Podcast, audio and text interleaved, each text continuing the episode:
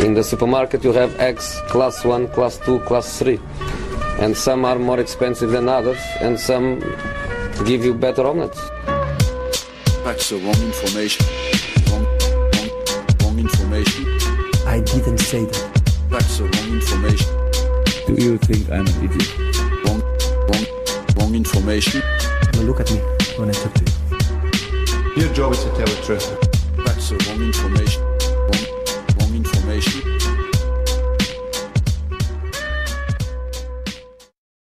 Hej och välkomna ska ni vara till denna veckas avsnitt av Sportbladets Silly Season-podd.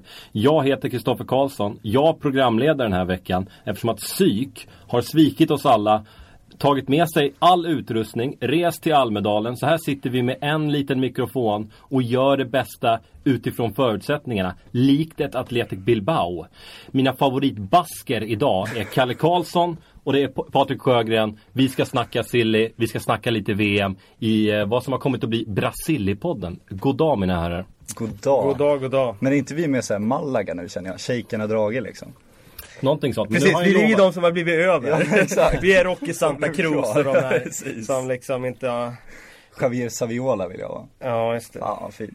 Spontana tankar om att psyk har dragit till Almedalen med all utrustning.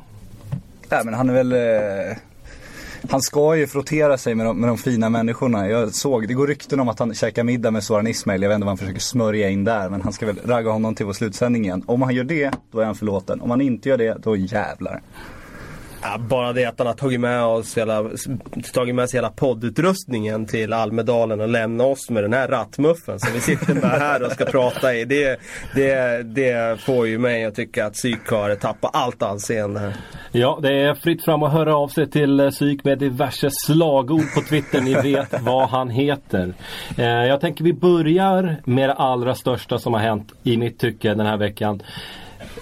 Luis Suarez biter Giorgio Chiellini och här i dagarna har han bett om ursäkt. Och vad läser ni in i det mina herrar? Jag läser faktiskt inte in så mycket i själva ursäkten som vissa har eh, gjort här nu. Jag såg rubriken här om att eh, det skulle vara liksom en ursäkt som är beställd av Barcelona för att, eh, för att de vill ha det så. Jag tror att hans PR-folk har beställt den ursäkten och och säkert han själv också känner att det var, var på sin plats att göra det. Och oavsett klubbyte eller ej så tror jag att även om han ska spela kvar i Liverpool så behövde han göra den manövern ändå. Men det är klart att eh, hela den här historien tror jag ju någonstans talar lite mer för ett klubbyte än vad det gjorde innan det. För att Liverpool får sig en tankeställare igen. Den här spelaren ställer till det för klubben än en gång. Och eh, de kanske känner att det är eh, det finns liksom en sån här poäng i att sälja honom för oerhört mycket pengar den här sommaren för att man kan få in eh, andra spelare och förstärka laget på ett annat sätt. Eh, på det sättet. De har ju också fått en ursäkt att sälja honom liksom serverad på silverfat. För om de hade sålt honom förra året då hade ju fansen blivit, blivit rasande såklart för att han tappade sin viktiga spelare. Nu kan de alltid luta sig mot att han riskerade klubbens anseende och det är ju ändå ganska bekvämt för dem. Och sen ska man säga också om eh, eller hans ursäkt här, att det, det kan ju också ha med överklagan av straffet att göra. Alltså det, när Fifa satte sig första gången och skulle diskutera hur länge ska Luis Suarez stängas av. Så bara, ja, vad har Luis Suarez sagt? Och så kollar de vad han har skickat in då och så står det liksom, ja, jag ramlade in i Chiellini med munnen öppen. Man kanske blir lite sugen på att ta i lite extra då när man ska straffa den killen. Och nu ber han om ursäkt och då får man ta med det nästa gång när man ska liksom överväga om det här straffet var rätt igen. Och det kan ju faktiskt innebära ett mildare straff. Konspirationsteorin i det här är att han kanske hade planerat någon liten, eh, något litet bett för ett sätt att få Liverpool att eh, vilja sälja honom i sommaren. Ligger det någonting i den lilla teorin kanske? Att han känner däremot eh, i sista matchen när det håller på att glida dem ur händerna att det är lika bra att jag biter härifrån ordentligt och så sticker vi i sommar. Nej. Nej. Alltså han är ju för inställd på att vinna Suarez. Alltså eh, åker han till ett VM med eh, inställningen att byta någon för att byta klubb? Nej, det, det rimmar väldigt illa med hans inställning. Och om man skulle ha den inställningen då skulle han ju ha vunnit VM-guld. Så skulle han åkt till första träningen i Liverpool och bitit Brendan Rodgers i näsan istället. Då hade han ju liksom eh, säkert på ett väldigt enkelt sätt fått byta klubb. Men, men eh, nej, det där tror jag inte ett dugg på. Så vad säger vi? Spelar Luis Suarez i Liverpool nästa säsong? Nej. Nej, jag tror inte heller det. och det blir Ja, det verkar ju som att Barcelona är väldigt heta i den här jakten. Hela våren här har jag ju trott att Real Madrid ska gå in och ta den pucken. Men eh, Benzema levererar ju nu. Eh, och eh, så länge han gör det så kanske de inte är så intresserade av att göra den där anfallsvärvningen som jag har trott att de ska göra. Det pratas ju snarare om Falcao nu i så fall till Real. Och det finns väl också, det blir en intressant affär i så fall. För om man ställer de anfallen mot varandra som man ju kan börja leka med nu så blir det ju en helt galen jäkla La Liga-uppgörelse där. Är Benzema den spelaren som går att lita på? Stark säsong absolut, men det vi sett honom tidigare, de här otroliga formsvackorna som man kan ge sig in i. Kan Real Madrid vara trygga i att de har en anfallare att lita på i Benzema? Ja, de kan ju vara trygga i att de har Gareth Bale och Cristiano Ronaldo. Vilket gör att man kan ha och överleva med en Karim Benzema och, och ta sig till stora titlar ändå. Men ska man vinna ligan så behöver man ju en forward som levererar över tid. Och det tror jag inte att han kommer göra på det sättet. Han kommer in i de här catch-up-perioderna där allt kommer och han är i bra form. Sen går han in i de här formsvackorna. Men jag, om vi går över på det då så är jag inte så säker på att Falcao är rätt spelare heller. För att eh, han är inte den typen av spelare som, eh, som gör sitt lag så mycket bättre. Utan han, när han spelar så tar han väldigt stor plats själv och gör sitt lags mål. Men det är inte säkert att laget gör fler mål med han på plan. Det är den eh, uppfattning jag har om honom. Det är bara att kolla på Colombia nu. De har inte lidit av att han är borta. Praktsågningen av Falcao. Mm. Ja, den nu är fick jag in den. Ja, det tycker jag. Så om vi förutsätter att Suarez lämnar i sommar då, är det ett, ett, ett i raden av bakslag för eh, det vi gillar att kalla världens bästa liga, Premier League? Ja, det, det är klart att tappar man de största stjärnorna så är det klart att det, det, det urholkar ligans status. Men det är inget nytt utan La Liga har ju köpt de största stjärnorna från Premier League under en längre tid. Och det är Barcelona och Real Madrid som har den största dragningskraften. Så det är inget nytt egentligen. Så att jag vet inte om den tappar liksom mer än vad den gjort tidigare om Suarez går. Jag mm, liksom, är inte förvånad. Nej, Risken är ju om typ PSG och Monaco de kommer upp i den statusen att de också börjar plocka spelare. Då kan man ju prata om att det finns ett hot. Men som du säger, Barca och Real har ju alltid varit liksom slutdestinationen för alla världens absolut bästa fotbollsspelare. Så att det är ju det är ju bara logiskt att det fortsätter bli så. Och så länge de tar en om året, kanske, från Premier League så är det ingen större förlust på det sättet. För om vi kollar tillbaka till förra, förra sommaren. Då var Gareth Bale den bästa eh, spelaren i Premier League. Real Madrid plockar honom. Eh, och nu ser det ut som att den här säsongens bästa spelare, Luis Suarez, försvinner. Hur länge dröjer det innan ett PSG och ett Monaco kan knipa åt sig årets bästa spelare i Premier League? Hur långt är vi därifrån? Eh, vi är några år bort fortfarande. De är inte uppe i status på det sättet med att den ligan eh, kan värva den allra bästa spelaren i Premier League till ligan. Men däremot kan de ta de här spelarna som, som tänker lite mer med plånboken, kanske är lite äldre och eh, har gjort, bevisat sig i en stor liga redan. Men eh, de kan inte ta, än så länge tror jag det är några år bort, att de plockar den allra bästa spelaren i Premier League. Den spelaren kommer att sikta på de mest prestigefyllda klubbarna och det är Barcelona och Real Madrid. Ja, för lönen blir inte så mycket större i ett Barca eller Real, eller mot eh, alltså ett PSG då. Om du är den absolut bästa. Cristiano Ronaldo skulle inte få jättemycket mer betalt i PSG utan, och då väljer man ju Ja då har jag de pengarna också och så kan jag få statusen i Real och Barca då som gör mig ändå odödlig i mitt hemland sen när jag åker hem när jag spelar fotboll färdigt. Jag kan alltid säga om jag, jag var nummer nio i Barcelona, det kan du liksom leva på resten av ditt liv då. Så att det blir en helt annan sak än att komma hem och säga ja, jag var nummer 11 i Monaco, det är inte riktigt samma Jag avgjorde en match mot Toulouse. Ja, exakt. Jag klippte Joe Cole när han lirade där. Fint. Och om vi kollar på ett Liverpool utan Luis Suarez. Vad tittar vi på där? Tittar vi på ett nytt spelsystem? Tittar vi på en värvad ersättare rakt av? Hur, hur löser man det här i Liverpool? Eh, ja, jag tror att man tittar på det sättet att eh, man kanske går ifrån det här eh, anfallsparet som Sturridge och Suarez utgjorde i fjol. Det gjorde ju Brennan Rodgers för att han hade just de typerna, spelartyperna och de passade väldigt bra ihop och var så spetsiga så att de kunde vara undertaliga på mittfältet för att de visste att vi kommer alltid skapa chanser med de här två herrarna på topp. Det kanske blir ett one strike system som de använde i början av förra säsongen när Suarez var avstängd.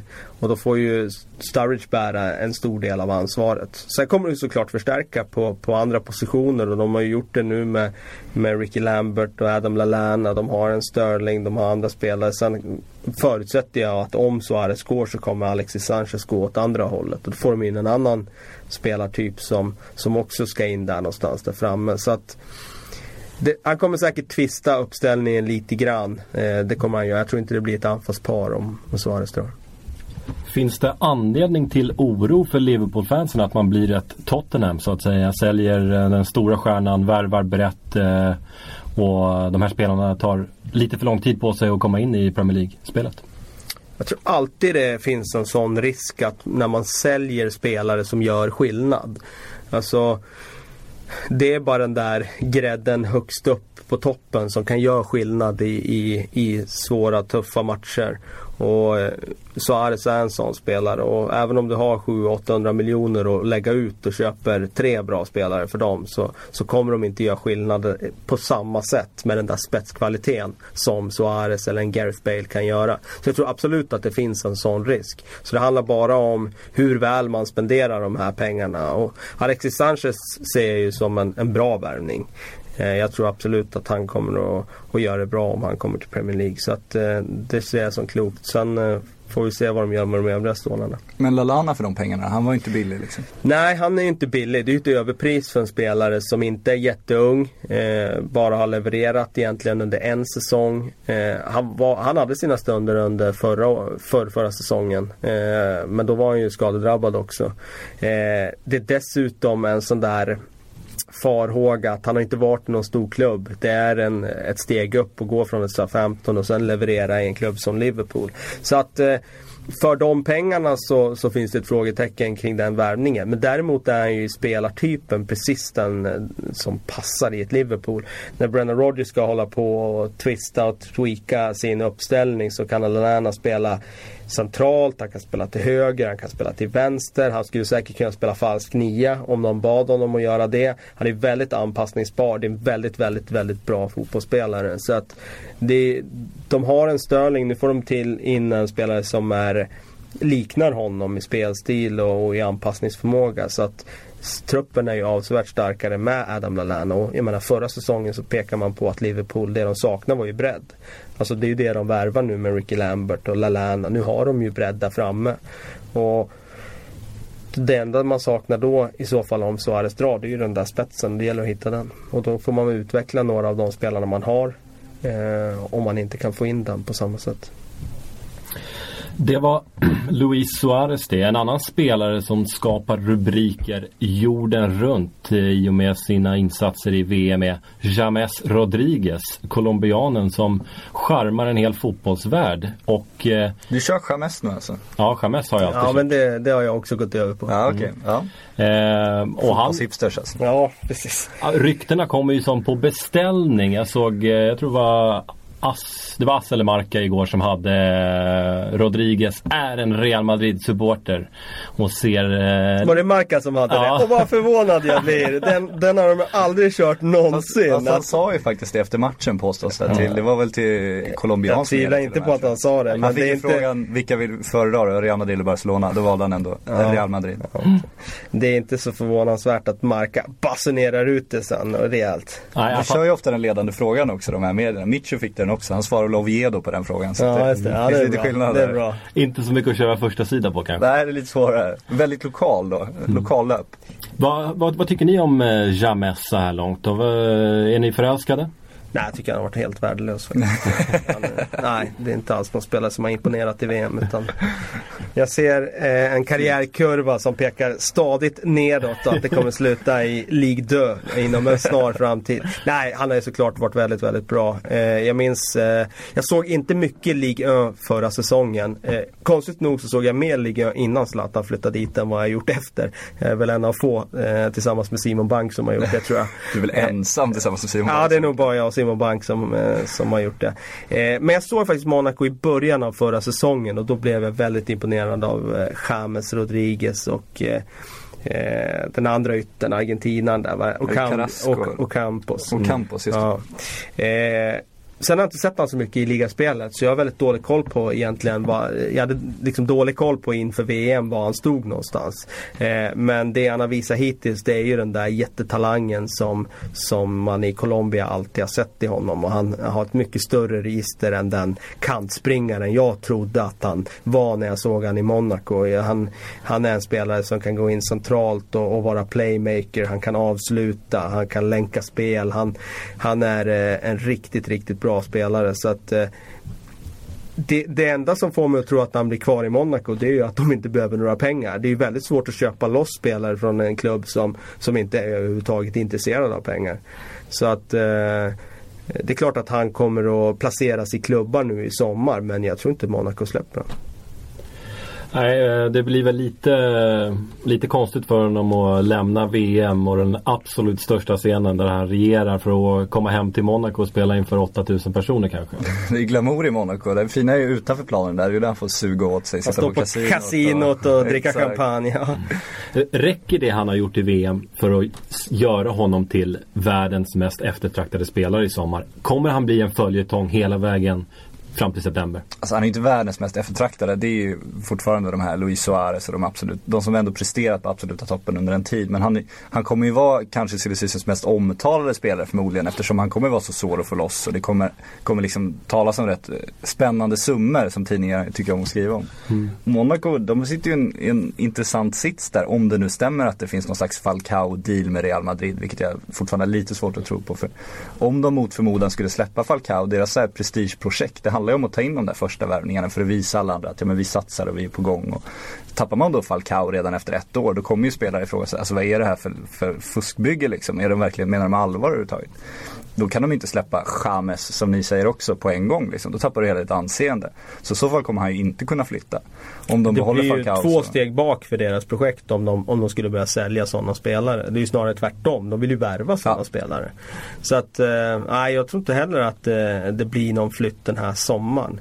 Men eh, jag räknar med att han kommer dyka upp i ett antal rubriker i den här sommaren. Det, det kommer ju dra igång något eh, djävulusiskt den dagen Colombia åker ur VM eller vinner VM. Och det han kan göra är ju att Monaco eventuellt har fått sin riktigt kommersiella pelare nu, den man söker. Den, den Zlatan blev för PSG. Att de har den här jätteomtalade superstjärnan som de kan liksom bygga hela sitt varumärke kring. Så han kan ju VM kan ju lyfta Monaco till en helt annan nivå än de var på innan. Ja, det var James Rodriguez det. Oerhört charmig spelare. Men nu, Detta- James eller James eller? James säger jag. James. Ja, tack, tack. Jag måste ju lära mig av er nu. I övrigt grabbar så har det varit målvakternas VM. Är ni redo att hålla med? Ja, och det glädjer mig faktiskt. För om man tittar på den ligan som jag följer mest då. På grund av att min chef har satt mig på att följa den ligan mest. Eh, Premier League så har ju faktiskt de senaste åren inte bjudit på målvaktsspel i världsklass faktiskt. Jag tycker inte att målvaktsnivån har varit så hög i Premier League som som vissa kanske tycker att man borde hamna på med namn som Peter Cech och, och David de Gea och så vidare. Så att därför tycker jag det är kul att se riktigt, riktigt vasst målvaktsspel eh, i, nu i VM. För det har vi onekligen sett. Vilken, vilken målvakt står ut allra mest för er två Ja, Chua är ju, står ju ut på det sättet att eh, man visste att han var en riktigt bra målvakt. De som följer ligan mer än vad jag gör nu för tiden, de eh, påpekar ju att han är väldigt ojämn. Och det är han ju. Eh, men han är fortfarande kapabel att göra fantastiska matcher. Och det är ju oftast när han, när han slipper gå ut i luftrummet och dominera. En match där det blir mycket inläggsspel och sådär. Då tror jag att han Eh, Eh, man kan blotta svagheter och sådana. Hans luftspel är inte eh, övertygande och därför tror jag han skulle få problem i, i England till exempel där han ska möta en Peter Crouch i, i luftrummet när Stoke står och skickar in inlägg sista 20 minuterna i matcherna. Eh, så att en flytt till La Liga där han slipper den typen av inläggsspel. Då tror jag att han kan eh, nå upp till ett högt anseende. Men eh, ja, med de stormatcherna han gjort i VM så är han väl den som har imponerat mest på mig. Jag tycker det finns en risk också. Så om man kollar på en, en, en Yama, så jag tycker det är jätte, jättebra också. Men det är så lätt att skärma sådana målvakterna. För en av anledningarna till att de, man liksom tycker att de är så fantastiska, det är ju att de sätter sig i situationer där det liksom krävs att de gör rätt sjuka räddningar. Kollar man jämför man med en Courtois eller Neuer, som nu ska vi kanske inte nämna Neuer efter gårdagens Libro-spel, men mer skolade målvakter. Alltså du, du, du ser ju sällan de här liksom exceptionella räddningarna och det beror ofta på att de liksom läser spelet, de står rätt. De täcker upp med kroppen på ett annat sätt. Men eh, hamnar du liksom de här lägena som Ochoa och Enyama gör ofta, de kan ju vara ute och flaxa och, liksom, och då, då blir det ju rätt så här, wow vilken målvakt, han gör ju helt omöjliga räddningar. Ja, för att han liksom gjorde ett misstag i situationen innan också. Så Enyama har ju varit extrem med sina TV-räddningar Ja, tycker jag. Jag tycker väl kanske Ochoas TV-räddningar, har, eller räddningar har varit mer motiverade. Han har varit Ja, tvungen att göra mycket reflexräddningar nära håll men det beror också på att han inte väldigt, bra kommer lin, ut då. väldigt bra linjemålvakt där Ja. Eh, Men jag håller med dig och du är inne lite på Thomas Ravellis gamla filosofi där. Att om jag behöver slänga mig då har jag ju stått fel från början. Det, det är inget bra. Mm. Eh, och jag håller med dig om att sådana målvakter som för, förutser vad som ska ske och läser spelet, de är, de är att föredra. En Men det är väl därför också de här målvakterna kanske inte finns i de absolut största klubbarna. Man älskar ju dem när de dyker upp i VM för de är ju de absolut största profilerna. Men liksom, de kommer ju inte riktigt till de klubbarna ofta och det finns ju en anledning till det också. Ja, däremot så ser jag, det, det är ju bara frågan om Ochoa själv accepterar det. Men jag kan ju absolut se att han blir värvad till en större klubb för att vara tvåa eller att slåss om posten. Men eh, jag tror inte någon större klubb satsar på honom som etta bara nu på VM. Eh, det har nog eh, varit lite för ojämnt för i ligaspelet för att få den flytten. om vi kollar på en annan målvakt som jag är säkert ni håller med mig om att han har varit bra i Brasilien. Det är Keylor Navas, eh, Costa Ricas målvakt. Han har en utköpsklausul med Levante, 10 miljoner euro. Är det sommarens kap kanske? Ja, det, ja, faktiskt. Jag tycker det är det. det. där har vi en målvakt som har levererat under en La Liga-säsong på en otroligt hög nivå. Han kanske var Europas bästa målvakt i toppligorna den här säsongen. Och, eh, 10 miljoner euro är mycket pengar för en målvakt. Men jag tycker eh, att klubbar konsekvent undervärderar målvaktens betydelse. Man är inte beredd att lägga lika mycket pengar på en målvakt. Men titta på vad det betyder för ett lag att ha en bra målvakt. För mig är det solklart att målvakter ska kosta lika mycket som en liksom, spelfördelare på mittfältet eller en anfallare som gör mål. För att de är så betydelsefulla. Så att 10 miljoner euro som hittat säger jag. Det är köp. Men anledningen till att de inte gör det är också det kommersiella värdet. Det är svårt att sälja tröjmålvakter liksom, eller målvaktströjor liksom. Det går inte så jävla bra i shoppen. Och om man kollar på målvaktsprofiler är det ganska få som liksom ändå är, blir affischnamn inom fotbollen. För att folk tycker inte att det är lika sexigt med en målvakt. Så det beror ju också på det. det, det det var samma... bättre förr. Det var bättre, alltså, det var bättre målvaktsprofiler förr. Ja, man håller säger så. verkligen med om. Galningarna förut. Ja. Vart är de? Vart är de tyska galningarna nu? Oliver Kahn och Walter Senga och man vill, Sepp Maier. Alltså förr, förr fanns det ju riktiga profiler. Och Schmeichel som går ut och liksom enhandsplockar inlägg och sånt där. Ja. För lite sånt. Angående Navas så kopplas han ihop i spansk press med Liverpool och Arsenal. Är det två klubbar som skulle behöva Navas? Eller finns det andra toppklubbar som gör rätt i att värva en Navas detta fönster? Både Cessny och, och Mignolet gjorde ju bra säsonger. Eh, så att de är inte i behov egentligen av en första målvakt. De är ju snarare i behov av en, en, eh, en andra målvakt som går in och tar kampen med dem. Eh, Navas är ju lite för bra, eh, förstå mig rätt, för att värvas till eh, Arsenal eller Liverpool. För Mignolet och Cessny, de skulle inte vara nöjda med att sitta på bänken. Så att det är i så fall om man vill ha ett målvaktsbyte rakt av. Om man vill byta ut Cessny mot, mot Keylor Navas.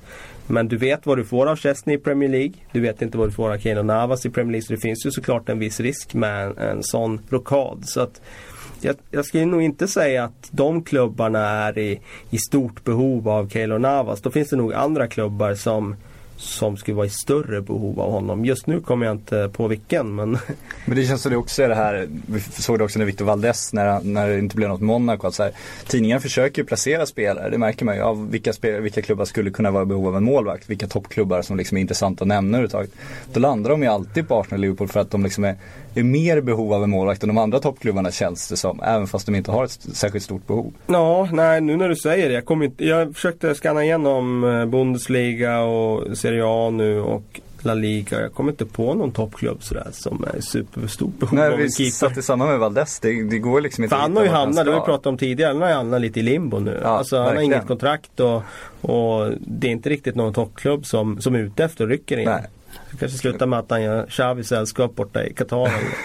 eller- eller gör en eh, Julio Cesar och åker till USA ett år. kan vara så. Neymar fortsätter leverera för Brasilien. När blir han lika bra i Barcelona? När Leo Messi flyttar. Är det så enkelt? Ja, alltså det, ja. Eh, jag tror ju att han kommer få leva i Leo Messis skugga så länge han är där. Eh, det finns inte plats på skolgården för två kungar.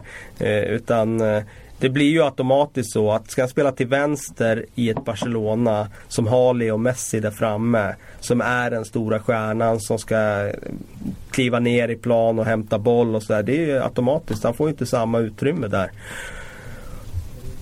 Men den dagen som han får den stora rollen i en klubb i Europa, om det är Barcelona eller någon annan klubb, då tror jag att han kommer leverera där också. Jag tror att han kommer göra en bättre säsong nästa säsong. Jag menar, det är ganska många som har gjort flytten från Sydamerika till Europa och inte lyckats direkt. Jag menar, Juan Roman Riquelme, han var en mardröm i Barcelona. Han var fullständigt briljant i Villarreal senare. Eh, det, det, det är en viss omställning att göra den flytten. Och jag tror att med den här inkörningsperioden han har haft nu på en säsong så tror jag han kommer vara bättre nästa säsong. Neymar. Men jag tror inte att han blir Brasilien bra i Barcelona eh, bara sådär. Men man kan ju se en risk där också tycker jag att han, kom, han har kommit kom lite för tidigt egentligen. För Leo Messi har ju många, många år kvar. Och liksom har du råd att ha honom bredvid då? Liksom, för man ser ju skillnaden på medspelarna i Barcelona. Liksom. Ja, uppspel, vart ska bollen? Den ska till Messi. Hur tar, hur tar vi bollen dit? Brasilien, vart ska bollen? Den ska till Neymar. Hur tar vi bollen dit? Det är ju jätte, jättetydligt hur de söker det. Liksom ska han då spela andra fiolen, hur många år kan han göra det? Hur många år har han tålamod att göra det? Han har inte riktigt mandat heller att göra det i Barcelona som han hade haft Nej. i en annan klubb. Alltså, Barcelona är en sån otrolig lagmaskin på det sättet att de har haft de här katalanerna som är uppväxta i La Masia. De har liksom fostrats in i den här tiki-taka grejen. Det är väldigt mycket det här att man ska man ska inte bli av med bollen. Det är det viktigaste. Vi ska ha kvar bollen inom vårt lag och sen eh, om vi tar oss framåt i plan, det är inte så viktigt men vi ska, det viktigaste är att vi inte ge- ger bort bollen. Och då kan du inte hålla på och finta som Neymar har gjort i, i Santos och nu gör i Brasilien. Men det är ju den friheten han behöver för att nå sin fulla potential och få ut sin liksom, fulla talang. Så att ju lite med hur Barcelona har varit uppbyggt där Xavi, Iniesta och den typen av fotbollen har präglat den klubben. Men jag tror det kan bli en förändring där nu också. Det sker ju grejer i Barcelona absolut. nu. De är ju inne i en generationsväxling och jag menar nu lämnar Xavi som har varit deras eh, symbol och, och vad ska man säga, spirituella ledare nästan i, i, i de här, under den här framgångsperioden. Jag tror att det kan bli ett annat Barcelona eh, här nu när man bygger om. Det kanske blir ett Barcelona med lite friare tyglar till exempel. Och det skulle ju passa Neymar. Tror ni att Barcelona-pamparna sneglar lite grann mot Neymar? Till exempel när han kliver upp och tar den där avgörande straffen. Den pressen han har på sig i det läget och bara iskallt lägger in straffen. Kolla på hans insatser under det här VMet för Brasilien och tänker Snart kanske det är dags att sälja Messi. Jag tror diskussionen har funnits, det är jag ganska säker på. För att det, det har ju funnits liksom Ryktena har gått och det har varit lite kontraktsbråk och grejer. Jag är helt säker på att de lyft frågan att sälja Messi. Men än så länge är han ju så fruktansvärt bra. Han är ju fortfarande betydligt bättre än vad Neymar är. Det går inte att blunda för. Så att det går liksom inte riktigt att försvara än. Men jag tror att eh, likt Suarez dyker upp en möjlighet så tror jag att det skulle finnas en diskussion just när det gäller att bygga om Barcelona. Det finns en poäng i att släppa honom då liksom för att öppna, öppna för andra möjligheter. För allting är väldigt, väldigt styrt av hur Messi vill ha det nu. Det är ju han som bestämmer, så enkelt är det ju. Så de har garanterat diskuterat det, det är jag övertygad om. Det tror jag också. Sen tror jag att en sån här utlösande faktor eh, Eh, för en försäljning av Messi kan vara att han drabbas av någon skada mer av den här typen som han hade den här säsongen med lite muskelskador och sådär. Att man då någonstans gör bedömningen att okej nu finns det en risk för att han eh, kommer att vara skadedrabbad eh, kommande åren. Han kommer tappa på grund av de här skadorna. Och min farhåga som jag sagt flera gånger i olika sammanhang det är just det där med att han får eh, återupprepade muskelskador som gör att han tappar lite av den här snabbheten som han har. Och det skulle förändra saker radikalt för honom.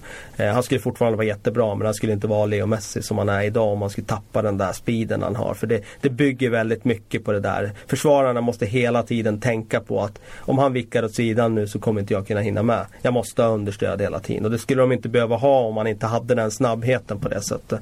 Så att jag tror att skulle han återigen börja få eh, skador den här kommande säsongen och man inom Barcelona gör bedömningen att okej nu finns det risk för att hans kurva börjar peka neråt. Då tror jag det kan bli en försäljning. För att det finns alltid någon klubb i Europa som är beredd att lägga hiskeligt stora summor för att få honom. Även om han börjar drabbas av skador. För att det finns ju en sån uppsida om man skulle liksom ja, vara, vara skadefri. Då, då vet man ju att man har en målgaranti. Och den som vänder på pengarna i Barcelona tror jag också ser betydligt större, större potential kommersiellt i Neymar än vad, vad Messi. Alltså Neymar är ju redan en, en sinnessjuk pengamaskin till sett hur lite han har presterat på planen. Just för att han, han är väldigt bra med sociala medier. Han är väldigt skön liksom hela tiden. Han har ju den här Erik Karlsson-blinken när han gör intervjuer och liksom. Han är ju den stjärnan som Leo Messi liksom aldrig kommer att bli på det sättet. Så att han är väldigt älskvärd Neymar. Så kollar man som varumärke så har han ju störst potential i fotbollsvärlden, tveklöst. Och släppa fram honom fullt ut då tror jag den som vänder pengarna i Barcelona är väldigt intresserad av att göra. Han är ju som David Beckham liksom medveten av vad han Ja. behöver göra för att stärka sitt varumärke. Eh, men jag ler lite nu när du fick in Erik Karlsson, NHL-backen i samma mening som Neymar. Det gillar jag. Men det är så tydligt för när de klippte ihop den här Emil Karlsson-klippet från OS här, eh, han, han kör den här blinken i slutet på varje intervju. Så tack, ah, tack. Och så blinkar han så här lite, lite charmigt tycker man. Om man kollar Neymar i mixzon kör han ju den också. Och det ser ju coolt ut i en intervju då, sen, ah vad skön han är. Men om man ser att han gör tio på rad då, då inser man ju vilken liksom, maskineri det där är egentligen. Så vad försöker ni säga? Att Neymars tårar efter straffläggningen var falska? Oj, nu jagar han rubriker här. Jävlar. Nej, Jag lovar, det blir inga rubriker. Men man kan ju se en, en risk tycker jag med Neymar ändå. Om man pratar om den här pressen och att han liksom, han klarade av det. Men han är samtidigt väldigt, väldigt ung. Och eh, det som många i Manchester United var inne på med Wayne Rooney, att han, han är, som Paul Scholes tryckte hårdast på, att han brändes lite för tidigt. Där kan vi också kolla Neymar. Han har ju levt med den här pressen sedan han var 11-12 år. Sen dess har han varit Brasiliens mest lovande spelare. Han har haft agenter, han har liksom värderats något oerhört. Han hade ju Pelé som fick honom att stanna i Santos när han var 19-20 år. Liksom redan då var det på den nivån att Pelé blandade sig i hans karriär. Det finns ju en risk att han är bränd lite för tidigt. Att han, liksom, han kommer nog, jag tror inte att han kommer vara en toppspelare tills han är 33. Utan det gäller ju nu att ta vara på de här åren. Och ska han då vänta på Leo Messi i Barcelona, där finns det också en risk. Nu har vi kommit till en punkt i avsnittet där jag skulle vilja be de här två herrarna att lista sina tre namn som använt VM som skyltfönster på bästa sätt. Alltså vilka spelare har spelat till sig ett nytt kontrakt, en eh, drömflytt. Vilka spelare har verkligen utmärkt sig på det sättet i Brasilien? Ska vi börja med Sjögren kanske? Åh helvete. Ja men jag har ju faktiskt, eh, du ville ha genombrott här och då tänker man ju någon 16-åring som liksom aldrig sett förut. Men vi måste ju nämna James Rodriguez, vi behöver inte prata mer om honom. Men han är ju James Rodriguez. James, James eller James eller vad fan ni nu vill kalla honom för. Men han är ju tveklöst det största genombrottet, det måste man ju säga. Han har ju lyft sitt spel till en, till liksom och visat att han är en av världens bästa spelare till och med just nu. Jag vet inte om han är det över en hel säsong. Men just i VM så är han ju det. Så att han måste man ju nämna där. Han är ju det tveklöst största genombrottet, tycker jag. Sen om man ska gå på till namn så tycker jag Shakiri, Schweiz. Han är ju ingen ny spelare heller. Han spelar i Bayern München men han spelar ju inte i Bayern München. Utan han vill ju ha en ny klubb, letar efter en klubbadress och har liksom visat även han att han inte bara är en talang, en speedy spelare, en intressant liksom, tekniker. Utan han är ju en färdig världsstjärna tycker jag. Så jag tycker att han har visat också verkligen lyft sitt marknadsvärde. Och gjort att den där flytten kommer ju bli av nu. Det, det är tveklöst så. Han är ju ett hett namn på marknaden nu. Och eh, sist så vill jag ändå, nu måste man hitta den där nya, vem fan är det då? Jo men Divock Origi, Belgiens inhoppare. Som eh, jag faktiskt gjort scoutrapport idag. Så vi kan ju ta honom lite Ja, vi senare. väntar lite grann med honom och så frågar jag dig bara rakt ut då hur mycket har Shakiri ökat sin eh, nästa lön? Om det blir i Liverpool eller vad det nu blir. Ja, jag tror han sitter på en hyfsad lön redan så jag vet inte hur mycket den kommer öka. Det beror på vilken klubb det blir. Alltså, han har ju förhandlat ett rätt bra kontrakt när han gick till Bayern München. Han var het då också.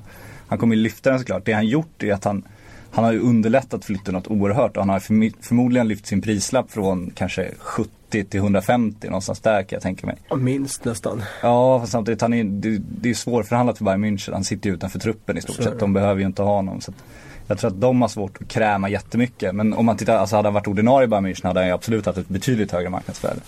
Vilka tre namn har du då Kalle? Eh, jag börjar med en eh, ung mexikansk back som väl känner känner i den här turneringen. Rafa Marquez. Eh, han, han, han, eh, han har fått sitt genombrott. Nej, han har varit otroligt bra men det är väl inget genombrott direkt. Men jag har varit det? imponerad av honom. Jag hade haft med en annan mexikan här på den här listan. Hector Herrera. Om det inte hade varit så att han var ju faktiskt min scoutrapport i förra podden. Så han känns som att vi har avhandlat. Så mina tre namn är istället Slimani från Algeriet som eh, väldigt sent nådde eh, Europas eh, eh, alltså toppfotboll. Eh, spelade i Sporting då. Eh, har ju varit väldigt eh, framstående i den här turneringen och jag älskar den typen av anfallare som alltid ligger på den sista försvararen och han ligger verkligen och hugger hela tiden på den sista försvararen. Det är som att, eh, precis som med Inzaghi, han föddes offside. Ja, det är lite samma sak med Slimani faktiskt. Så att, eh, jag tror att eh, vi kommer få höra talas mer om honom kommande säsong här i Europa. För han började när han kom till Sporting så satt han på bänken första tiden där. Men sen slog han sig in i laget och, och hade en bättre andra halva av säsongen. Så att eh, nu med den här VM-framgången så tror jag att han kommer ha självförtroende att ta med sig in i, i ligaspelet. Nummer två är Ener Valencia eh, från Ecuador som eh, var en ny bekantskap för mig. Eh, jag eh, har inte koll på honom tidigare men det, jag räknar med att han kommer att eh, ha visat tillräckligt i den här turneringen för att få en flytt. When you're ready to pop the question, the last thing you want to do is second guess the ring. At Bluenile.com, you can design a one of a kind ring with the ease and convenience of shopping online. Choose your diamond and setting. When you find the one, you'll get it delivered right to your door. Go to Bluenile.com and use promo code LISTEN to get $50 off your purchase of $500 or more. That's code LISTEN at Bluenile.com for $50 off your purchase. Bluenile.com code LISTEN. Till någon liga av dignitet. Ja. Sen om man levererar där, det är en helt annan sak. Men det är en väldigt, eh, in- eh, han har varit väldigt bra i den här turneringen. Rörlig forward som är löpvillig och dessutom gör mål. Ja, han blir inte kvar i Mexiko länge till va? Han spelar i mexikanska ligan har jag för mig. Ja, och eh, jag har svårt att se det med tanke på om man eh, gör sånt avtryck i VM så, så är det alltid någon klubb som vill satsa på en och erbjuda en, en hyfsad lön. Och nummer tre är Daley Blind som eh, i och för sig inte Eh, är eh, något nytt namn för de som följer holländska ligan. Men den eh, poolen av lyssnare är väl ganska liten som tittar regelbundet på Eredivisie. Han blev vald till holländska ligans bästa spelare så att där är han välkänd. Men för mig var det nytt att han var så pass långt fram i sin utveckling. Jag tycker jag blev väldigt imponerad av han mot Spanien. Och att han dessutom kan spela central mitt, han kan spela som mittback i en trebackslinje. Han är väldigt användbar så att eh, jag tror att han kommer dyka upp i en, i en större klubb inom kort. Det som är intressant att se det är om han är tillräckligt bra faktiskt för att vara vänsterback i en fyrbackslinje. Det är väl en sån där mm, liksom, lite udda spelartyp som kanske har problem med speed eh, och passar bättre i en fembackslinje där han får lite mer understöd. För här är det väl mest snack om United eh, vad gäller Blind va? Precis, så det blir naturligt så med tanke på att van Gaal ska dit och han tränar honom nu. Men eh, jag är inte så säker som sagt på att han är rätt spelare för United med tanke på att eh, jag tror ju ändå att van Gaal kommer köra fyrbackslinje i United till att börja med i alla fall. Och här har det blivit dags för mig att slå hål på hela den här teorin med VM som skyltfönster. För jag har nämligen frågan Fungerar VM verkligen som ett skyltfönster? Eller är nivån för låg? Ironiskt nog i ett världsmästerskap för att kl- toppklubbar ska övertygas om vad en spelare gör mot ett Honduras eller ett eh, ja, Kamerun för den delen. Jag ska nu ställa en fråga och svara på den själv innan. Nu är det dags för mig att slå hål på teorin ja, och sen bara, här är vi. Nej, men men jag tycker- VM som skyltfäste. Ja, men jag tycker det är en intressant poäng du har för att eh, nivån här är ju inte lika hög som den är i toppen av Champions League. Eh, så att det kanske är så att klubbar borde fundera över om, om två mål i gruppspelen mot Kamerun eh, ska gälla som ett kvitto på att man har gjort det på den högsta nivån. Men klubbar tänker inte alltid så utan klubbar är desperata efter nya spelare och de ser ofta den här eh, Ja, deras ögon förvandlas till dollartecken och de ser den här möjliga jackpotten de gör med en spelare som lyckas och man kan sälja dem vidare för ännu större pengar. Och eh, på det sättet så tror jag i, i realiteten så blir det som att VM är tillräckligt för att få en flytt till en större liga och en större klubb. Eh, men sen om den borde vara det, det är en annan fråga. Och ibland undrar man ju om det är tränaren eller marknadschefen som sitter och scoutar liksom. För att det blir ju verkligen så. De, de får ett namn och helt plötsligt är de superheta. Och man tänker, men det snackas bara om honom för att han var bra i VM. Ja men då är helt plötsligt alla intresserade för att han var bra i VM också. Och som du säger, det, det finns ju ingen garanti för att de kommer hålla på absoluta världsnivå. Det bästa exemplet på en spelare som har levererat i VM och sen inte lyckats alls. Det är väl El Hadji Diouf. Ja. eh, Som var oerhört bra för Senegal i VM 2002. Samtidigt vill jag påpeka att han måste vara den mest hyllade forwarden i VM-historien som inte gjorde ett enda mål. Han gjorde han gjorde, mål Han alltså. gjorde ingen mål. Det är skrämmande uppgifter faktiskt. Ja. Där kan vi Det kan klubba tycka. igenom tror jag Ja. nästan. Du var inne på det, Det var Henri Camara som gjorde målen mot Sverige. Du var inne lite grann på det Kalle angående Fanchal och eh, hans landslagsspelare. Just nu känns det som att nästan varenda holländsk landslagsspelare har kopplats ihop med United. Den senaste i raden Köjt. Eh, vilket fick mig att baxna lite grann. Eh, men om, om, om vi ställer den frågan då. Vilken holländsk landslagsspelare hade passat bäst i Fanchals United? Kevin Strootman och han är inte med i VM. Ja, Robin Eh, van Persie passar bra också tycker Ja, jag. han passar bra. Arjen Robben tror jag också hade passat Ja. väldigt bra. Eh, kortsiktig lösning att gå in och göra ett, två år. Men på den nivån han spelar fotboll nu så skulle han ju liksom passa i vilket lag som helst. Jag tycker han är fullständigt briljant. Förutom när han ramlar i lite lätt sådär. Men alltså det, ingen kan ta ifrån honom att eh, och det gäller ju även den där straffsituationen. Man blundar ju för att han gör ju väldigt bra prestation precis i momentet innan det där. Eh, och det är ju han som skapar hela situationen. Eh, och han har varit inblandad i några mål i den här turneringen. Och det känns som att eh, han spelar fotboll på en nivå som han aldrig har gjort tidigare i sitt liv faktiskt. Men får man lyfta Neymar-ryktet där igen? Alltså han var ju på väg till Bayern München. Det känns ju som de är de som kommer ha ett skriande behov av sådana spelare som liksom står ut nu när Robben och Ribéry börjar liksom åren. Växla ner. De har ju förstärkt sitt centrala mittfält men vart har de liksom, de har inte riktigt de spelarna på gång känns det Nej, och det var ju nära att Neymar gick till Bayern München med Pep Guardiola-kopplingen och sådär.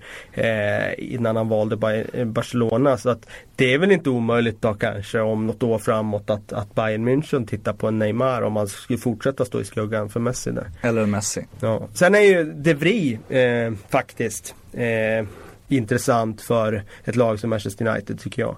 Tycker han har varit, eh, det, är en, riktigt bra försvarare. Eh, så att, eh, ja. Det är väl de spelarna från Holland. När eh, Gaal blev utnämnd till United-tränare så höjdes det ändå en del röster om att är inte van Gaal lite avdankad? I det här VMet så har han tagit Holland till en kvartsfinal nu. Är han, eh, har han bevisat för United-fansen att de har någonting att hoppas på när han anländer i Manchester? Han, eh, alltså för mig är det en av de tränarna i fotbollsvärlden jag har störst respekt för. När det handlar om kunnande, eh, pondus och anseende som han har från de spelarna som har tränat honom. Jag har aldrig tvivlat på honom på det sättet. Det, det jag har tvivlat på det är att han är inte någon stayer. Mm. Utan eh, han kommer inte bygga någon dynasti i United och stanna där i tio år. Utan han, han kommer gå in och göra sin grej. Och han kommer göra det bra var han än är egentligen. Eh, men han kommer göra det under två, tre år. Och sen kommer han säkert gå vidare till något annat. Och, eller kanske till och med pensionera sig. Eh, han har inte så många år kvar kanske som topptränare så med tanke på sin ålder. Men Eh, ja, han har bevisat tillräckligt mycket. Jag tycker det är imponerande det han har gjort med Holland. Eh, han, eh, fick sin viktigaste spelare kanske då är Kevin Stråtman, skadad. Han byggde om sitt system för att det skulle passa de spelarna är tillgängliga. Han är en pragmatiker, han vill vinna matcher. Han har vunnit matcher. Eh, de låg illa till nu mot Mexiko. De mötte ett Mexiko som är väldigt bra, som är organiserade. Han gör byten i andra halvlek. De får till en förändring. De vinner matchen. Ja, alltså hans turnering hittills det är ju 5 plus.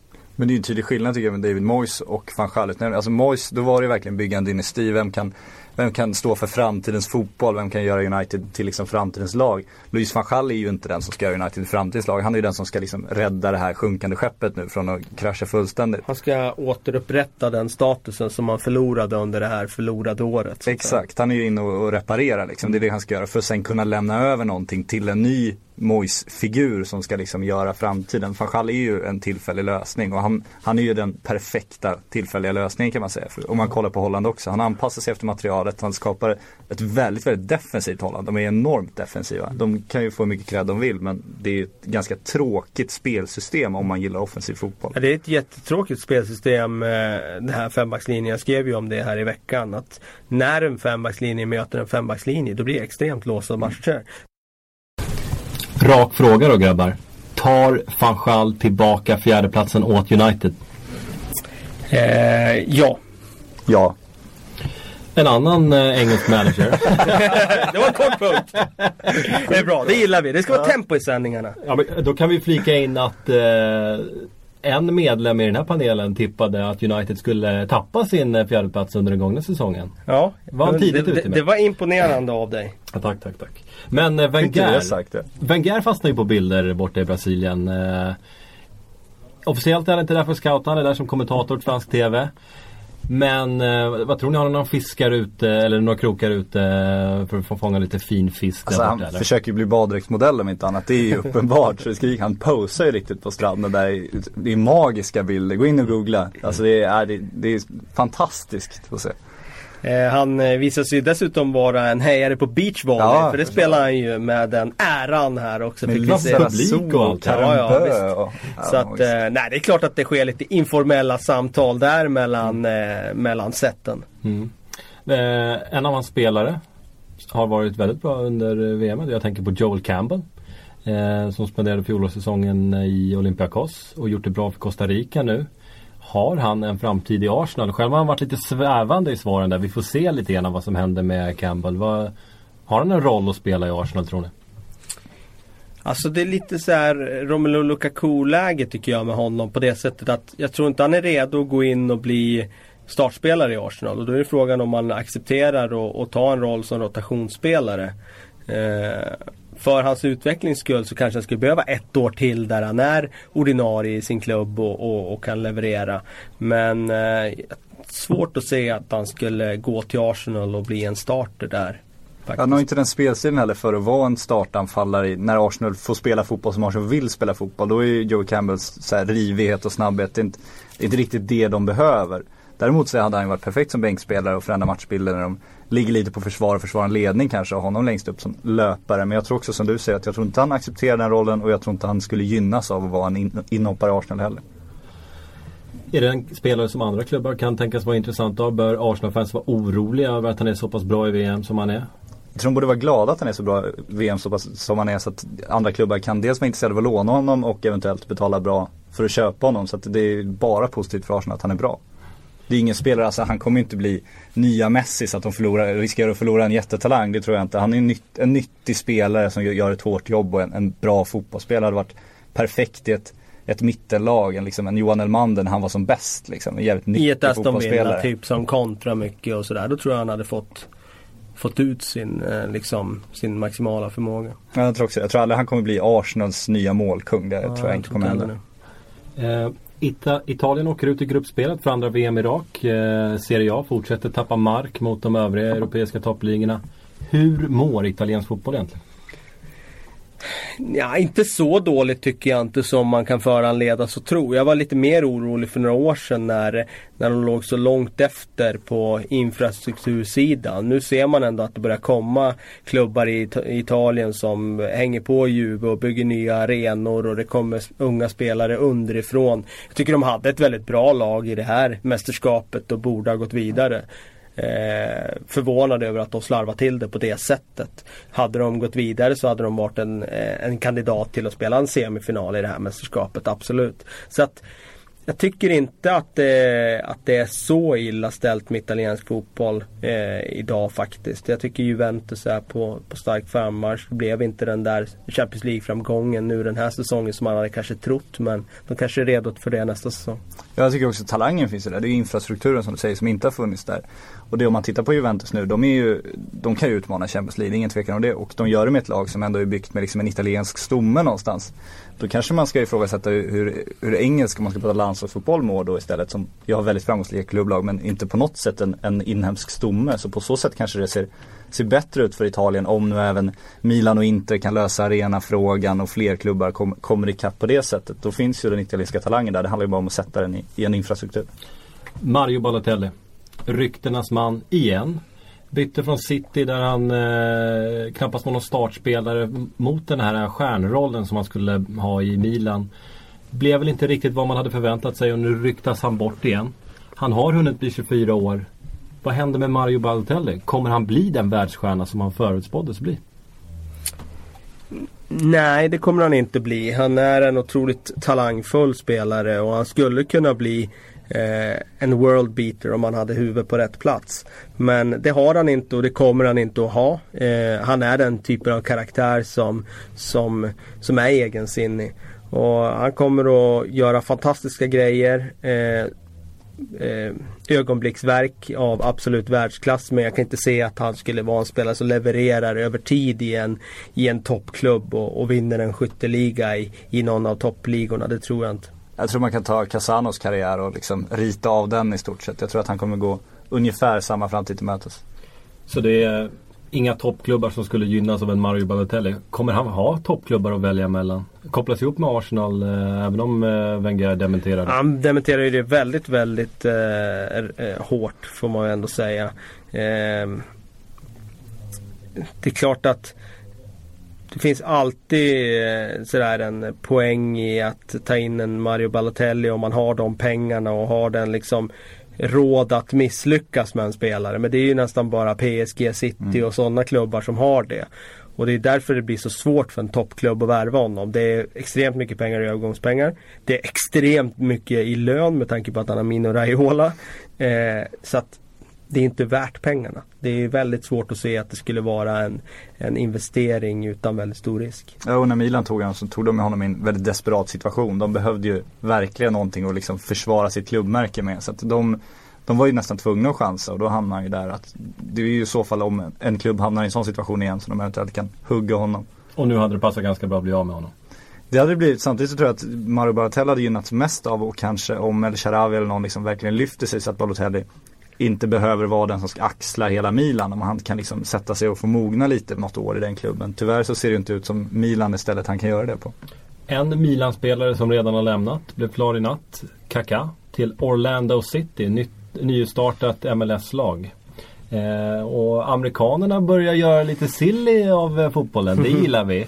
Hur stort kan MLS bli utanför USA? Man märker i USA nu att fotbollen kommer starkt. Man trodde att det skulle ske efter VM 94. Det gjorde det ju inte på det sättet som man... Ja det är klart att det blev ett uppsving då men de hade så mycket att ta igen på basebollen och basketen så att det, det fick inget fäste på det sättet som man hade trott då. Eh, nu ser vi att intresset börjar bli riktigt, riktigt stort borta i USA. Och nu tror jag också att det kommer att bli större och större. Och jag tycker det är så kul att se ett USA som har MLS-spelare i laget, som har bra spelare som Beckerman till exempel som jag gillar väldigt mycket.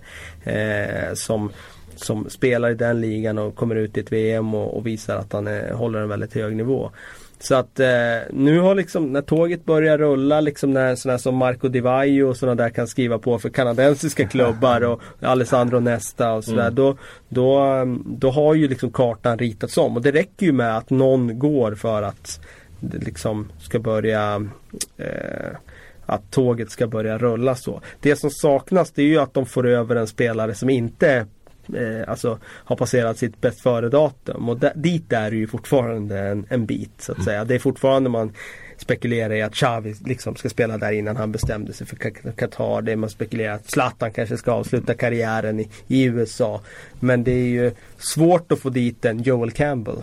Och det är det, det är det som saknas. Och dit är det fortfarande en bit. Men sen behöver de inte bli stora utanför USA heller. För USA är ju så fruktansvärt stort så att det räcker ju att det blir stort i USA så kommer det vara enormt stort och det kommer finnas hur mycket pengar som helst där. Alltså, pratar du idrottslöner så är ju de amerikanska sporterna överlägsna trots att det liksom är enormt litet intresse för, för baseball och amerikansk fotboll och så utanför USA. Trots det har de ju högre löner än liksom någon annan idrott. Så det räcker att de slår där. Om jag målar upp det här scenariot då. MLS växer sig starkt och knackar på Uefas dörr om eh, någon eller några platser i Champions League. Eh, är, det, är det en framtid vi, vi kan tänka oss inom ett par år? T- Tidszonen blir ju en aspekt då som de får ta hänsyn till. Men kan man flytta VM till vintern så kommer ju Uefa välkomna amerikanska fotbollspengar med liksom, de kommer ju tigga om att få in dem i Champions League. Det är jag övertygad om. Alltså hela fotbollsvärlden har jobbat ganska länge aktivt mot USA för att få fotbollen att växa i USA. Det är ingen slump att det börjar bli stort. De har ju verkligen lagt enorma resurser på det här. Och det beror ju på att det finns sinnessjuka pengar att hämta där. Det är ju bara därför de är intresserade av det här. Så eh, de kommer ju kliva rakt in i Champions League om det skulle vara möjligt. Ivan Rakitic, ännu en spelare som blivit klar idag. Vad, eh, vad förväntar vi oss om honom i Barcelona? Han är redan klar för länge sedan. Ah, han, presenterat. presenterad idag. Eh, och kan han göra ett större avtryck i klubben än vad Cesc Fabregas gjorde? Det kan väl alla göra va? Ja, det är svårt att säga. Alltså, Fabregas eh, bidrag i Barcelona är väl lite underskattat egentligen med tanke på att rent siffermässigt så, så har han ju gjort det helt okej. Sen eh, användes han inte i rätt position och det liksom gjorde ju att han kunde inte växa ut och bli den Fabregas som, som han eh, var i Arsenal och, och som man kanske hade kunnat bli om inte Xavi och Iniesta hade stått i vägen. Och där tror jag det är det som är poängen nu. Att nu är ju inte Xavi kvar utan nu kommer det ju en förändring i Barcelona. Han kommer ju in i rätt läge nu Rakitic. Så att han kommer ju få spela i sin rätta position. Han kommer ju inte flyttas fram och bli någon falsk nia. Utan han kommer ju att spela centralt på mittfältet och jag tror att han kommer göra det väldigt bra där. Det är en väldigt, väldigt intelligent och bra spelare. Får man flika in en grej för Barcelona så såg jag precis att Subisareta har hyllat Luis Suarez för att han bad om ursäkt nu. Ja, du ser. Det är bara lägga det på pusslet. Ja, det är en indicie så god som någon. Då är han klar imorgon. Då är han klar imorgon. Eh, en annan spelare som har eh, som skapar lite rubriker inför VM. Han var intressant inför VM. Det är ju Serge Aurier eh, som i princip var klar för Arsenal hette det. Han sa själv att han skulle till Arsenal. Nu heter det istället att PSG är favorit att värva honom och att Arsenal bytt spår. Hur tycker ni att hans VM har varit? Har, har han har levt upp till den hypen som Arsenal-fansen hade på Aurier inför? Han gjorde ju det i början i alla fall. Jag menar han slog ju med dunder och brak där i första matchen. Han går in och gör två assist. Eh, och sen, eh, sen ryker ju de. Eh, vilket gör att han kommer ju inte bli omskriven som, som någon av den här turneringens succéspelare. Med tanke på att han inte är kvar liksom längre fram i turneringen. Men jag tycker ändå han visar det man ville se eh, då. Eh, för att ändå vara en som skulle kunna gå in och ersätta Bakary Sanja. Så att eh, Nej, jag, jag tycker det var, det var positivt besked han lämnade i VM i alla fall. Men det vi sa förra podden var väl också det att vi var förvånade att PSG inte var intresserade just eh, franska kopplingen och så. Att de ändå kan behöva ytterbackar och så var vi också inne på att Sagna, det kanske inte är någon rak, eller jag var inne på det, att det inte är någon rak ersättare utan han är, är betydligt mer offensiv än Sagna var. Att det kanske passar ännu bättre i ett PSG som ändå vill ha upp sina ytterbackar på ett väldigt tydligt sätt. Så att eh, det känns ganska logiskt på ett sätt och jag tror också kanske att Wenger skulle vilja ha Aurier om Sagna hade blivit kvar också som ett alternativ. Kanske använda honom på mittfältet också, ha en annan roll. Att han kanske är mer intresserad av att ersätta Sagna nu, då kanske Aurier kanske hamnar lite i andra hand. Teorier. Apropå PSG, Edinson Cavani gjorde inte mycket väsen av sig i VM. Eh, inte riktigt kommit till sin rätt i PSG när Zlatan Ibrahimovic är där. Kommer han att leva upp till den här prislappen, den här enorma prislappen som han kom till? Så han har, ju- han har ju sagt det nu att han ska fundera över sin framtid, att han behöver få vissa besked av PSG och det handlar ju uteslutande om hans position. Han ska ju inte spela på kanten. Han blev ju lovad en plats som en av två anfallare när han kom till PSG har det sagts, vilket ju känns ganska logiskt också. Men sen blev han ju utpetad till kanten när, när Zlatan skulle spela ensam striker. Teorin är ju att Laurent Blanc ska bygga om nu så att han kommer spela med två anfallare, att Lavetzi förmodligen får stå tillbaks. Och i så fall tror jag att Cavani kan lyfta igen. Självklart har han hämmats av att ha, ha gjort en säsong liksom i, i skuggan och i en position han inte trivs i. Det, det är klart det är svårt att gå in i ett VM och dominera då också. Då har det blivit dags för eh, vad som har blivit en eh, tradition här i Sillypodden, nämligen scoutingrapporten. Och den här veckan är det Patrik Sjögren som har ansvar för den. Varsågod Patrik, kör hårt. Tack Kristoffer, du får gärna bryta in här när du Absolut, känner att jag eh, kommer fälla ut lite det krokben här. problematiskt. Ja. Exakt, lägga lite krokben. Ja, men vi ska prata om den här sköna belgaren, Divock Origi. Ja, eh, som har gjort eh, typ ett inhopp i VM. Mm. Men redan börjat bli liksom omtalad. Det pratas om eh, Arsenal, Liverpool och framförallt Tottenham kring honom. Så vi tänkte bara gå igenom lite vem denna sköna 19-åring är. Han är en gänglig typ, vilket jag uppskattar. Jag tycker det är kul när fotbollsspelare som inte ser ut som de kan spela fotboll helt plötsligt spelar fotboll. Typ Adebayor, en jämförelse som vi kan återkomma till. Man började Genk, eh, gick till Lille redan 2010 som ungdomsproffs. Började faktiskt som defensiv mittfältare i Genk och skolades om. Och det var när han skolades om som han blev riktigt het. Och slogs in, liksom, han spelade alla Belgiens ungdomslandslag hela vägen upp. Så att han är ju en sån här klassisk belgisk talang. Det har vi sett samma med med alla de här nu, den här gyllene generationen, att de verkligen samlats upp av Belgiens fotbollssystem och liksom skolats hela vägen. Han har ju varit med hela vägen också, det är ingen här late bloomer direkt.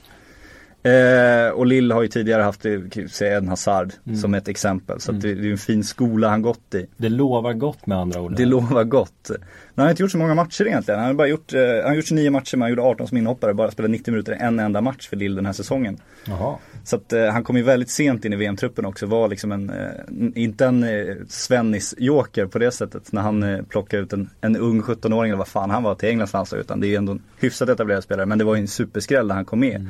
Och det är ju en jätteskräll att han är liksom nästan andrahandsvalet nu. Trots att han var 19 år. Och han blev ju hela VMs yngste målskytt när han hoppade in och gjorde mål. Inte genom tiderna, det är ju Pelé men, men i det här mästerskapet.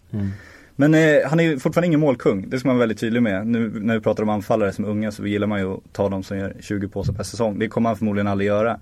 Han var ju defensiv mittfältare tidigare. Han är nästan som bäst när han spelar liksom mot ryggen mot, mot mål som en target. För han är väldigt fysisk. Eller när han droppar ut på kanten och utmanar sin spelare en mot en. Det är nästan hans bästa egenskap. Väldigt snabb, väldigt teknisk och liksom duktig på just den här och, och eh, göra sin spelare. Eh, han spelar för U19-landslaget redan som 17-åring. Han, eh, om vi tar det här just utmanar kan vi gå in på dem. Han spelar en halv halvlek mot Ryssland. Mm. Och han ändå utmanar fyra gånger på den halva halvleken. Kanske inte låter så mycket men är du ensam anfallare i det systemet, det är sällan du får bollen Alltså du får ju oftast bollen i ett avslutsögonblick då. Det är ju inte så att du är den som bygger upp anfallet på det sättet. Han hade ändå fyra utmaningar vilket är ganska mycket får man säga. Eh, pappa Mike spelar i Genk. Eh, hans kusin Arnold, jag älskar det namnet överhuvudtaget. Spelar Lilleström, är också målvakt i Kenias landslag. Just det. Och när Origi gjorde mål blev han första kenyansk bördig spelare någonsin i VM-historien att göra ett mål. Lite extra fakta. Ja, tack för det. Och ytterligare lite extra fakta, den här är min favoritfakta. Eh, när han gjorde mål mot Ryssland så döpte Brygge Zoo om en delfin till Origi. Ja, det passande namn på Ja, den eller hur, jag gillar det också. Mm. Det är lite mysigt. Men eh, vart han ska, Tottenham har ju det som nämns som hetaste alternativet. Ja, det är så alltså. Jag Det såg är någonting så. om Liverpool också. Ja, men nu, nu, nu har jag kört på Tottenham. här. Nej men det är mest prat om Tottenham. Liverpool Arsenal seglar upp nu när han fått göra ett inhopp i VM. Då blir det lite populärt att skriva om honom helt plötsligt. Innan dess har det nästan bara pratats om Tottenham. Kanske också för att han, han liknar ju Adebayor även lite utseendemässigt. Han har lite samma egenskaper. Och jag tänkte att vi kan jämföra de två då kanske. Ja. Om vi pratar förra säsongen. Mål per match 0,38 på Origi då. Adebayor 0,55. Där är Adebayor betydligt bättre får man säga. Träffsäkerhet skottmässigt eh, 72% Origi, eh, 70 Adebayor. 32 Soldado kan man nämna. Feta in lite. Luftdueller, där är han bättre. 43% Adebayor bara 32. Och sen kommer vi till de här lyckade utmaningarna, alltså göra sin gubbe. Han har ändå 1,65 lyckade per match, Adebayor har bara en. Och gör du den striken, det är inte så många spelare i världsfotbollen som gör sin gubbe. Det är först då du luckrar upp ett försvar. Det är liksom den, den ultimata egenskapen. Tittar vi på Arjen Robben, det han lyckats med senaste åren är att han, han har fått det här enorma steget helt plötsligt. Vilket gör att han bara kan peta och gå. Gör sin gubbe, öppnar ytor, öppnar för andra. Det kan Origi göra snarare än mål. Han är mer en anfallare som kan möta tidigt, vara en target, droppa ner, hjälpa till, hålla i bollen. Framförallt droppa ut på kanten, skapa läge på det sättet. Så han är väldigt flexibel anfallare. Han kommer aldrig vara den här Pippo Inzaghi som ligger och väntar straffområdet. Men han är väldigt så allround på det sättet. Kan han dessutom då utveckla sitt målgörande så tror jag faktiskt att vi har en, en ny Adebayor. Det, det, jag tycker man märker att han har lite bättre attityd än sin anfallskollega i landslaget då, eh, Lukaku. Han är väl inte riktigt lika etablerad, kan ha den där arrogansen riktigt heller. Så att han, han är väl ung och intresserad och han har en dunderskräll i, i truppen överhuvudtaget. Att han går in och gör mål är, är också, det är en sensationell framgångssaga så att säga. Och ryktena kom som ett brev på posten efter målet. Det kan man säga. De fanns lite innan men nu är han ju en av Europas hetaste talanger helt plötsligt. Och det kan man förstå om man tänker på lillkopplingen om man ser på Belgien vad de har producerat. Det är en väldigt skolad fotbollsspelare precis som hans lagkamrater. Så att han kan bli the next big thing. Tack för den rapporten Patrik. Tack. Ska vi ta lite läsarfrågor hörni? Vi bränner av ett gäng. Det gör vi. Eh, vi kan börja med, eh, ska vi se. United, här är en fråga från Emil Manninen. United sägs behöva lägga 45 miljoner pund. Alltså motsvarande 5,5 miljard ungefär kronor. Anser ni att han är värd det?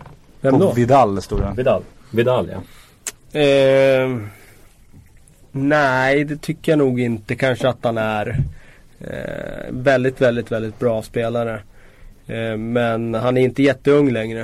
Eh, han är värd mycket pengar men en halv miljard låter mycket. Jag är osäker på om United säljer honom för en halv miljard också. Han är så viktig för dem tror jag. Alexander Lindström. Vilka ska Bayern värva om de släpper Kroos till exempel? Behöver de värva? De har ju en uppsjö med mittfältare. Det är, då släpper de väl fram Thiago och ger honom en lite större roll nästa säsong. Så att, nej. Då kanske de värvar en breddspelare istället då som de plockar Till- in. till tysk ja, talang. precis. En till tysk talang som de kan ha bakom, bakom Thiago i så fall. Tror inte de gör någon stor profilvärvning om de skulle släppa Kroos.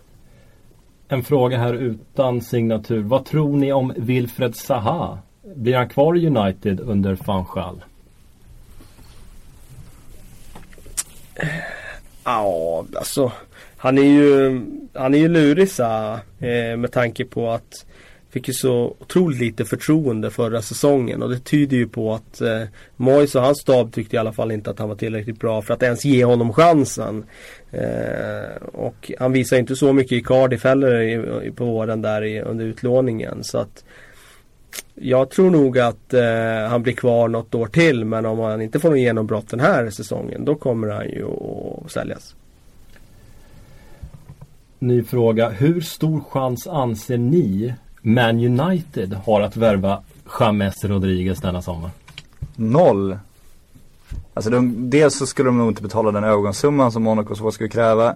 Dels skulle de få tänka om sitt lönesystem lite. Alltså de skulle tvinga oss, ge honom en självets jävla lön och de skulle tvingas ge honom en bra garanti för att spela på en position som Wayne Rooney. De bollarna är han rätt sugen på att få också. Så att det, det där kommer nog inte hända. Snodgrass har blivit klar för Hall. Vad, vad kan han erbjuda med sin känsliga fot? Mycket. Eh, jag tycker att det är en väldigt, väldigt bra spelare för alltså en klubb i den eh, regionen av tabellen. Så att eh, han, eh, det, är, en- det är en bra värvning för Hall. Om vi kollar på en klubb som plundras lite grann i sommar då, så har Filip Lyck en fråga. Vilka spelare bör Southampton värva nu efter plundringen? Ja, den är svår alltså. nu De har en jäkla massa stålar nu med, med försäljningen av Luxo och, och Lallana. Men eh, det är väldigt, väldigt svårt att bara gå ut och liksom pinpointa vem de ska, vem de ska värva så. Eh, trots att de har så mycket pengar. För de får ju inte de spelarna som de egentligen vill ha. Utan de får ju gå lite i bakvattnet och plocka det som blir över. Men eh, nej, svårt att säga. Jag tycker de ska vara rätt lugna i båten där också. Alltså just det här bakvattnet som du säger. Det är ganska lätt att lockas av att nu kan vi få den spelaren. Han var nästan lika bra som Luke Shaw. Han är väldigt dyr men vi har råd nu. Då är det nästan bättre att ta en, en kille med utvecklingspotential och tänka att nu nu ska vi inte värva för att vi ska hänga med i toppen och upprepa den här placeringen. Utan nu ska vi använda de här pengarna långsiktigt för att bygga någonting ännu bättre. Det tror jag är en smartare strategi än att få, få någon slags värvningspanik. Så det var det man kände lite med Tottenham att det blev, det blev lite för mycket. Det blev en för stor omställning. Om de hade tagit det lite lugnare och liksom byggt på det de hade på ett annat sätt. Kanske det hade kunnat gynna dem på sikt. Marcus Carlén har en fråga här om Wayne Rooney. Eh, han hade ju inte något vidare VM. Eh, hur hade han, nu ska vi se vad det står här. Hur hade det sett, upp, sett ut om du hade placerat Rooney i en mindre klubb? Säg Newcastle. Bra krogrunder i Newcastle för Wayne Rooney. Det hade varit extremt intressant. Nej, alltså... Sett ut på vilket sätt? Alltså, Vad hade på- han gjort, gjort för avtryck? Jaha, nej men han har ju gjort stora avtryck såklart. Alltså han är ju en väldigt, väldigt bra spelare. Det är ingen tvekan om det. Det är bara att kolla på hans stats. Vissa tycker han gör en svag säsong. Ja men då kanske han gör 17 mål och 10 assist i Premier League. Och det är typ en spelare i hela ligan kanske som har gjort fler poäng då än vad han har gjort. Ungefär så. Och eh, Det är klart att han skulle göra avtryck i en, i en mindre klubb. Det är ingen tvekan om det. Vi har ju sett en jämförbar transfer kan man säga när Newcastle köpte Alan Shearer. En, en affär som inte hade varit möjlig om han inte hade kommit från Newcastle och haft det Newcastle-hjärtat. Han klev in som en anfallare, han behövde ju betydligt mer understöd än vad Wayne Rooney behöver egentligen i sin fotboll. Och, och var ju briljant i Newcastle också såklart. Så att Wayne Rooney hade ju varit eh, ännu mer framstående i Newcastle för att han hade synts mer förmodligen. Ny fråga. Det har ryktats om att både Schneiderland och Lars Bender är på väg till Arsenal. Vem av dem skulle Arsenal ha mest nytta av? Please don't take Schneiderland from Southampton. Vad var det fanen sa på stranden till Wenger där? Fantastisk video. Ja, nej, det, jag förstår att de säger det med tanke på hur brandskattade de blir nu på spelare. ja, båda tror jag skulle göra nytta. Eh, Schneiderlin är ju den här tuffa bollvinnaren som, eh, som placerar sig rätt och, och eh, väldigt duktig tacklare. Lars Bender springer ju eh, kanske mest i hela Bundesliga. Så att eh, båda skulle göra ett bra jobb. Jag har svårt att urskilja vem som skulle göra det bäst. Men kanske Lars Bender då. Och sen varning tycker jag för Southampton-spelarna. Jag tycker ofta man blir lite blind. När ett lag går väldigt bra så ser ju alla spelare betydligt bättre ut än vad de är för att de lyfter sig i det systemet liksom. Men tittar du på vad har de gjort längre i sikt individuellt liksom, du måste ju ändå titta på det, typ på Lalana. Han har ju fungerat extremt bra nu en säsong men det kan ju också bero på att omgivningen har liksom växlat upp. Då vet man ju inte riktigt hur bra han är själv egentligen om du får in honom i ett helt nytt system som han ska anpassa sig till. Så det, man kan inte bara ta de här som varit så jäkla bra i Southampton och tro att alla de kommer vara, vara lysande enskilt också. Vi avslutar med en fråga som jag har fått eh, massor av. Eh, samma fråga eh, på Twitter. Varför rakar du inte? Och, och, och den har rasslat in nu också när vi bad om frågor till Sillypodden.